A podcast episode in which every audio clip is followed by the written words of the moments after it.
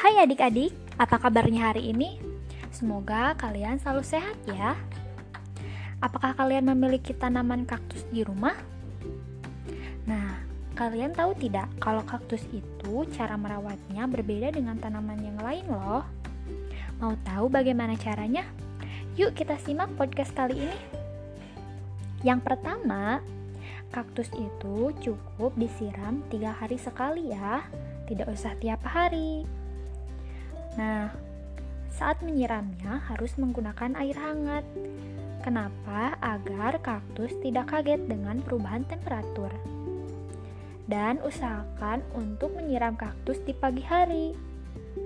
Yang kedua, gunakan pot berlubang sebagai upaya mencegah tanaman cepat membusuk.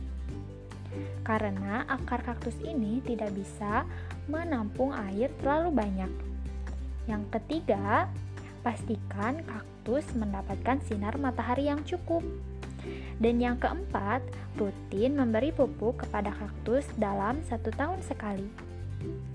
Untuk podcast kali ini, cukup sekian ya. Sampai jumpa di podcast selanjutnya.